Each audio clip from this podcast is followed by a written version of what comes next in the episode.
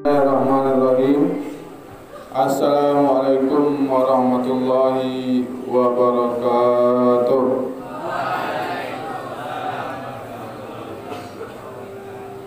Alhamdulillah. Alhamdulillahillazi nahmaduhu wa nasta'inuhu wa nastaghfiruh. Wa na'udzu billahi min shururi anfusina wa min sayyiati a'malina. May yahdihillahu fala wa may yudlilhu fala hadiya lahu Asyhadu an la ilaha illallah wa asyhadu anna Muhammadan abduhu wa rasuluh sallallahu alaihi wasallam la nabiyya ba'da ma ba'du وقال الله تعالى في القرآن الكريم نعوذ بالله من الشيطان الرجيم بسم الله الرحمن الرحيم والضحى والليل إذا سجى ما ودعك ربك وما قلى وللآخرة خير لك من الأولى ولسوف يؤتيك ربك فترضى ألم يجدك يتيما فآوى ووجدك ضالا فهدى ووجدك عائلا فأغنى فأما اليتيم فلا تقهر وأما السائل فلا تنهر وأما بنعمة ربك فحدث Sadaqallahu alazim Pertama dan terlemah sekali anak-anakku marilah kita memperbarui rasa syukur kita kepada Allah Subhanahu wa taala yang mana atas nikmat yang diberikan Allah kita semua masih berkumpul di acara ini Kamis ceria yang alhamdulillah meskipun yang hadir sedikit tapi mudah-mudahan tidak mengurangi semangat kita. Salawat berikan salam kita hadirkan buat junjungan kita suri tauladan kita yakni Nabi besar Muhammad sallallahu alaihi wasallam yang mengucapkan Allahumma shalli ala sayyidina Muhammad wa ala ali sayyidina Muhammad. Dan aku yang saya cintai daruninya uh, dan yang saya banggakan saya sendiri eh enggak uh, yang datang ke sini Insya Allah adalah orang-orang yang beruntung karena materi ini tidak pernah saya sampaikan di mana pun baru kali ini. Dan apa yang akan kita bahas? Yaitu kita akan membahas musik. Jenis-jenis musik dan segala macam. Eh, kamu tentu pernah mendengar musik ya ada yang belum pernah? Bahkan di antara kita mungkin, mungkin loh ini. Mungkin ada yang sudah bisa menghasilkan musik. Meskipun musik itu uh, secara kasat mata dia tidak ada. Ada orang musik itu kasat mata. Dia hanya bisa dirasakan, didengar, tapi bentuknya tidak ada. Dia malah hadir dalam bentuk lain musik itu adanya dalam bentuk kaset, CD, eh, Spotify, segala macam tapi dia tidak bisa dilihat yang bisa dilihat itu apa? pertunjukan musik penampilan musik nah, itu yang cuma bisa dilihat anak-anakku sekalian yang akan dibahas sebenarnya banyak. Kita membagi periodisasi musik itu kepada dua pertama. Pertama itu di masa monolog. Ada yang uh, hobi main game? Ada? Kalau di Mobile Legend monolog itu apa? Hah? apa Kira-kira apa ini kira-kira? Nggak ada, ada hobi main game di sini semua ya. Nah itu monolog itu sebenarnya ada gerakan di sana, ada hal yang dikerjakan. Begitu juga dalam musik. Di musik itu dulu yang direkam itu adalah ketika meskipun sekarang masih berlangsung ya. Uh, tapi periodisasinya ketika musik itu kalau ada orang yang main gitar di tag direkam. Ada yang main bass di tag direkam. Ada yang main drum di tag direkam. Yang nyanyi di tag direkam seperti itu. Ada kerja kerja nyatanya. Itu yang pertama. Periode yang kedua itu yaitunya periode digitalisasi. Di mana sebagaimana yang kamu ketahui sekarang hampir segala macam lagu original ada versi mixnya atau mixing. Mixing itu biasanya diolah nanti pakai alat yang bisa menghasilkan musik tapi semuanya itu dikomputerisasi atau didigitalisasi. Makanya lagu Thomas Arya yang bunga itu sekarang kalau dikasih tarik sis nah, semuanya hafal itu salah satu bentuk digitalisasi pendigitalisasian musik. Semuanya ada uh, bahkan lagu-lagu nasional sekarang juga ada track-tracknya. Track-track untuk rilisan remixnya. Tapi celakanya adalah ketika lagu itu di remix seperti itu yang menjadi celaka adalah lagu itu cepat terkenal lalu cepat dilupakan Saya yakin dan percaya kamu mungkin pasti tahu lagu ini, tapi jarang tahu judulnya. Itu satu. Seperti itulah kira-kira dan langsung ingat yang nyanyi siapa, tapi tidak lupa eh tidak ingat betul siapa betul yang akan menulis lagu yang seperti itu. Itu musik dari kita kodifikasikan atau kita analogikan dari jangka waktu. Ada yang namanya uh, monolog bermain dulu direkam di tag segala macam. Kalau kamu pernah rekaman mungkin tahu bagaimana cara orang rekaman tersebut. Tidak sekaligus dia itu main-main apa main satu lagu tapi yang bass ya versi bassnya dulu direkam gitu. Nanti dibantu oleh mixingnya atau mix mixer mixer mixer tuh orangnya mixing itu proses seperti itu. Lalu ada digitalisasi. Selanjutnya, kalau kita membahas dari segi pemasaran, musik itu sebenarnya dibagi atas dua. Yang pertama itu musik mayor. Mayor itu berarti ada label yang membawahinya. Label itu kalau kita analogikan sama seperti toko pasar. Toko pasar rumah produksi segala macam. Itu namanya label. Musik mayor. Beberapa label terkenal di Indonesia. Ada Sony Music ada Akurios Musikindo ada Emotion ada apa lagi itu Askada yang membawahi Via Valen Ya? banyak lah pokoknya label-label musik. Lalu yang kedua ada indie musik indie. Indie itu diambil dari kata independen yang artinya berdikari.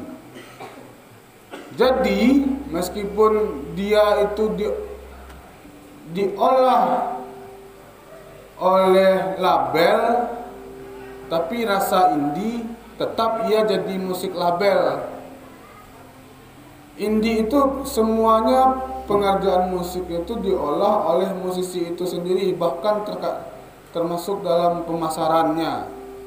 Jadi dia juga yang menyebarkan sendiri, dia juga yang uh, memasarkannya sendiri. Hal ini terbantu sekali sekarang karena apa? Dibantu sama digital, sama YouTube sehingga orang-orang itu bisa berekspresi secara indie tadi. Jadi harus kamu ketahui bahwasanya musik indie itu bukan musik-musik mellow. Tapi indie itu adalah semua jenis musik yang diproduseri oleh band itu sendiri. Salah satunya mungkin uh, yang mungkin saya rasa kamu semua tidak akan tahu itu nama bandnya. Ada nama bandnya Under the Big Bright Yellow Sun satu. Itu band indie itu tapi nak dengan tahu bro. Yang kalian tahu tuh mungkin uh, Float, Banda Neira, uh, apa lagi tuh? Noah mana indie Noah tuh mayor label itu kayak Mawang misalnya nani nani nani nani itu nak. Nah, itu Mawang segala macam. Jadi perlu digarisbawahi bukan karena dia itu cuman main akustik saja maka dia jadi indie. Tidak. Uh, tapi karena memang dia memasarkan musiknya itu secara sendirian, tidak ada yang membantunya. Kamu pribadi mungkin bisa menjadi musisi indie ini. Siapa yang sudah pandai main gitar, bawa lagu satu. Lalu di, dimasukkan ke YouTube. Nanti naik-naik-naik 10 tahun ke depan, namamu dibaca oleh media, nah kamu jadi artisnya itu. Itulah jadi indie itu kamu itu. Lalu selanjutnya kita masuk kepada jenis-jenisnya. Musik yang pertama itu kalau di apa ya? Sepengetahuan saya kalau saya salah maafkan saya, tapi nanti mari kita cari referensi yang lain. Musik yang pertama datang ke Indonesia itu digadang-gadangkan dulu adalah musik keroncong. Kenapa? Karena dulunya kita sempat dijajah oleh Portugis. Kadar itu musik-musik uh, keroncong itu mirip dengan musik-musik Portugis pada zaman dahulu. Lalu datang ke Indonesia. Indonesia karena orangnya hebat-hebat, yang keroncong tadi jadi berbagai macam lagi jadi dangdut jadi orkes itu yang pertama tuh lalu selain itu ada lagi beberapa jenis musik yang berkembang di Indonesia ada pop rock pop itu sendiri terbagi dua juga. Pop diambil dari kata populer ada yang populer yang ingin benar populer makanya dia jadi pop beneran. Ada yang pop tidak ingin populer makanya dia jadi indie pop. Begitu juga di rock. Begitu juga di jazz segala macam. Yang ingin populer maka dia akan menjadi uh, apa ya namanya ya menjadi jenis musik itu sendiri misalnya pop Indonesia rock Indonesia kalau yang tidak ingin populer dia akan menjadi indie rock indie pop indie jazz dan segala macamnya itu. Apa yang ingin saya sampaikan? Ini yang terakhir ini yang akan saya sampaikan. Bahwasanya menurut agama kita, agama Islam, ada dua hal pendapat yang membedakan bagaimana agama kita itu memandang musik. Pendapat yang pertama, kita sama-sama paham ya bahwasanya musik itu bisa sifatnya melenakan. Melenakan, menghibur, membuat lupa segala macam lah. Makanya kadang-kadang ada orang sampai pergi ke diskotik untuk apa? untuk melupakan masalah. Apakah di diskotik itu orang di sini tuh solawatan enggak kan? Apa musik yang ada di sana? Kalau nak disco, funkot, kalau nak funkot, uh, ya pokoknya yang remix-remix seperti itulah, yang mixing-mixing tadi. Kalau enggak dangdut koplo yang ada di sana. Nah, Pendapat pertama mengatakan bahwasanya apa pun musiknya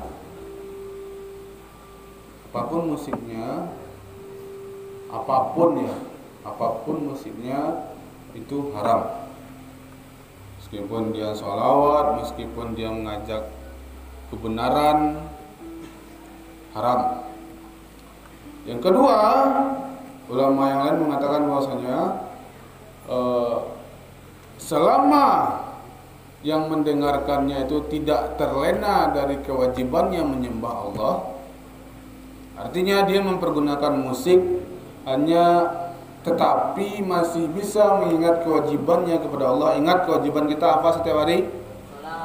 Ada sholat ada kalau di bulan Ramadan ada puasa kalau kita lebih mementingkan itu ketimbang lebih mementingkan musik ketimbang sholat misalnya wah ada cara beralik nak lah masuk waktu azan. Tanggung salagu salagu nak ada tanggung tanggung lah.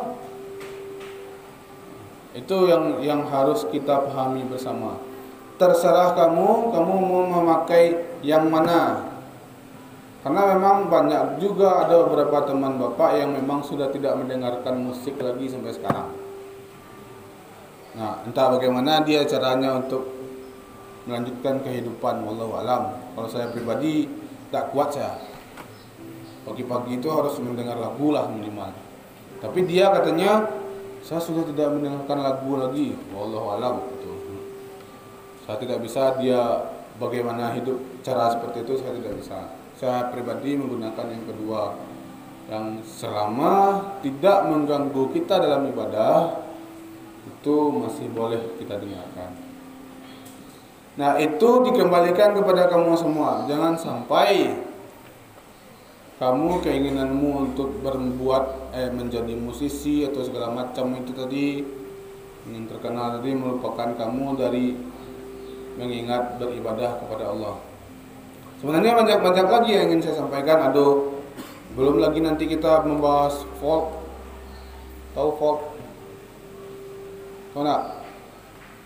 Salah satu jenis musik yang sedang digemari sekarang folk itu diambil dari kata folklore cerita rakyat yang notabene-nya folklore itu sebenarnya harusnya menceritakan tentang alam hujan segala macam tapi folk yang ada sekarang itu semuanya sampah semua, cinta-cintaan semua. Wallahu a'lam bishawab. Baiklah. Saya rasa itu dulu yang dapat disampaikan. Uh,